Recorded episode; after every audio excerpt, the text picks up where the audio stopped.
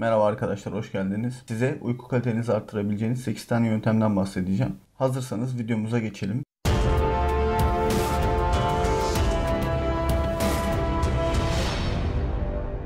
Uyku kalitesinden bahsederken önümüze iki tane terim çıkacak. İlk önce bu terimleri öğrenelim ki ne demek istediğimizi, yöntemlerin ne olduğunu daha iyi anlayalım. İlk bahsedeceğimiz terim sirkadiyen ritim.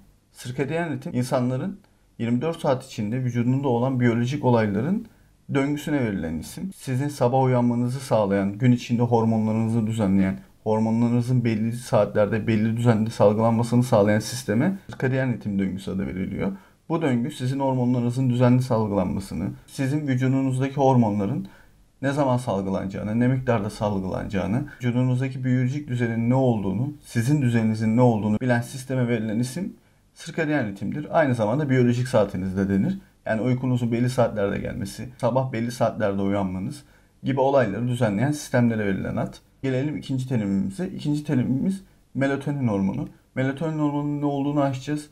Ne işe yaradığını ve melatonin hormonunun asıl salgılanmasının nelere sebep olduğundan bahsedeceğiz. Vücudumuzda birçok yararı olmasına rağmen en önemli etkisi uyku üzerine. Yani siz düzenli uyursanız melatonin hormonu düzenli salgılanıyor. Melatonin hormonunun vücudunda birçok görevi var ama biz uykudan bahsedeceğimiz için uykudaki görevinden bahsedelim. Melatonin hormonu gün bitmesine yakın sizin uykunuzun gelmesini sağlayan, uykudaki bütün vücudunuzdaki aktiviteleri düzenleyen, sabah da uyanmanızı sağlayan hormona verilen isim. Bu hormonun az salgılanması veya salgısının değişmesi, düzenli olarak salgılanmaması sonucunda birçok hastalık ortaya çıkıyor. Bu hastalıklara örnek vermek gerekirse melatonin hormonunun kanser üzerinde müthiş bir etkisi olduğu araştırmalarda bulundu. Melatonin hormonunun eksikliğinde kanserli hücrelerin vücutta çoğalmaya başladığı, bağışıklığın düşmeye başladığı ortaya çıktı.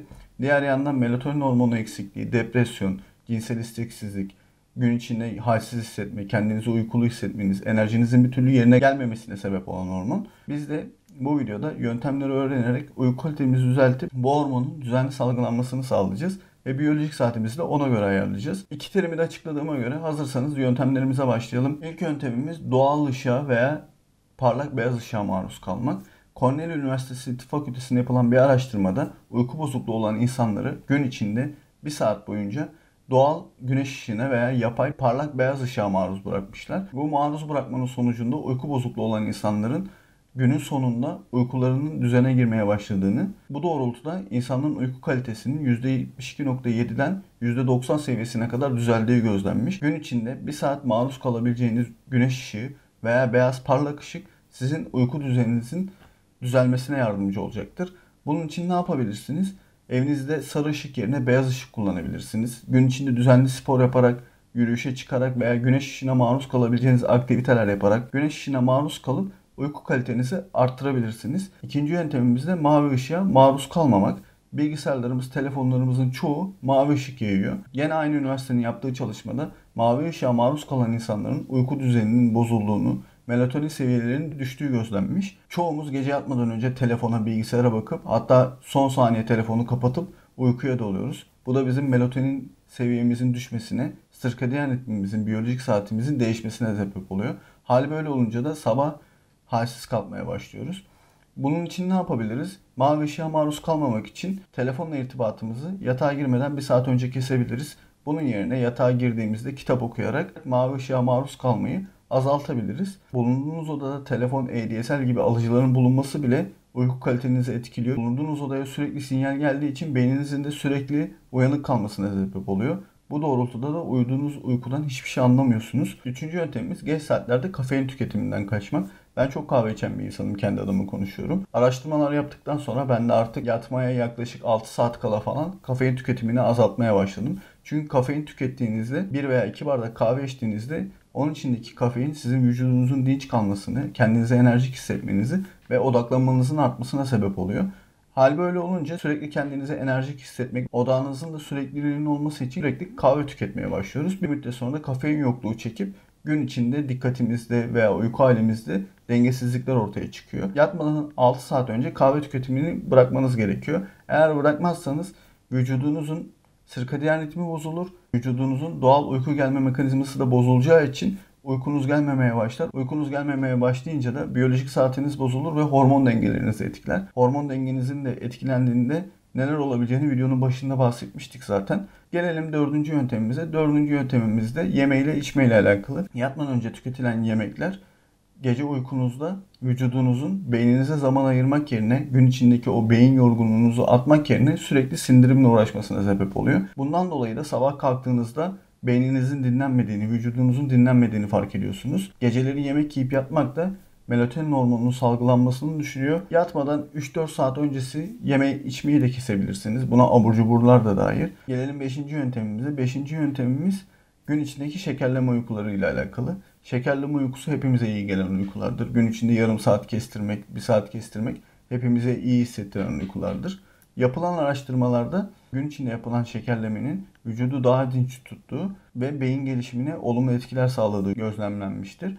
Ama gün içinde yapılan şekerlemenin 1 saat üzerine çıktığında, 1,5-2 saat olduğunda vücudun gün içindeki dengesi bozulduğundan dolayı vücut kendini kalktığında daha dinç hissetmek yerine gün içinde kendini daha uykulu hissetmeye başlamıştır. Ve beynin odaklanmasının da normalin altına düştüğü gözlemlenmiş. Eğer gün içinde şekerleme yapacaksanız 30 dakika veya 1 saat arasında bir şekerleme yapın. Onun üstüne çıkabileceğiniz şekerlemeler vücut dengenizi bozabileceği için uyku kalitenizi de olumsuz etkileyecektir. Gelelim 6. yöntemimize.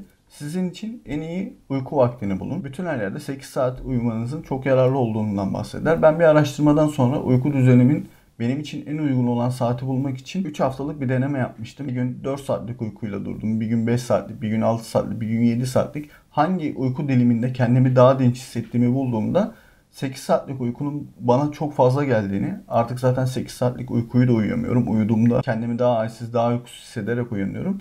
Benim uyku saatimin 5 saat ile 6 saat arasında olduğunu keşfettim.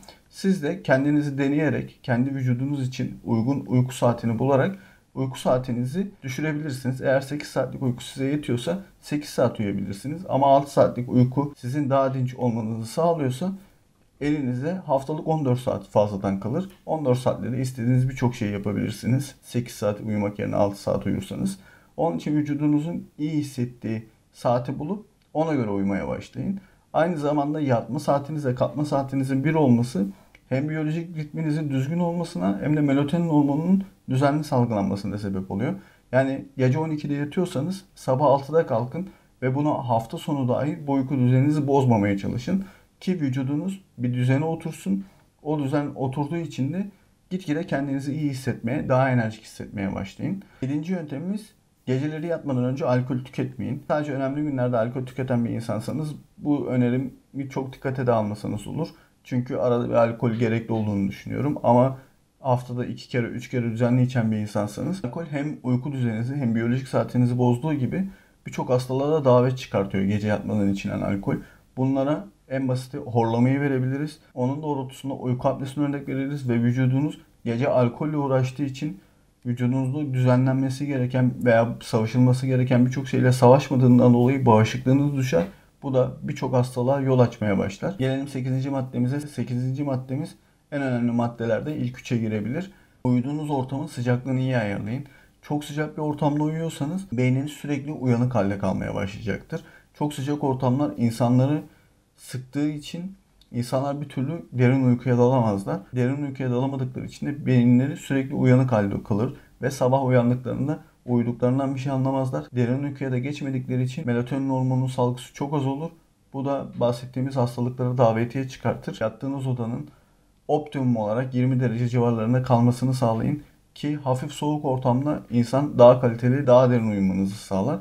Umarım bu yöntemler uyku düzeninizi düzene sokar ve uyku düzeniniz düzene girdiği için de psikolojik yapınız, hormonal düzeniniz gün içinde kendinizi enerjik hissetmenizi sağlar. Bir dahaki videoda görüşmek üzere. Hoşçakalın.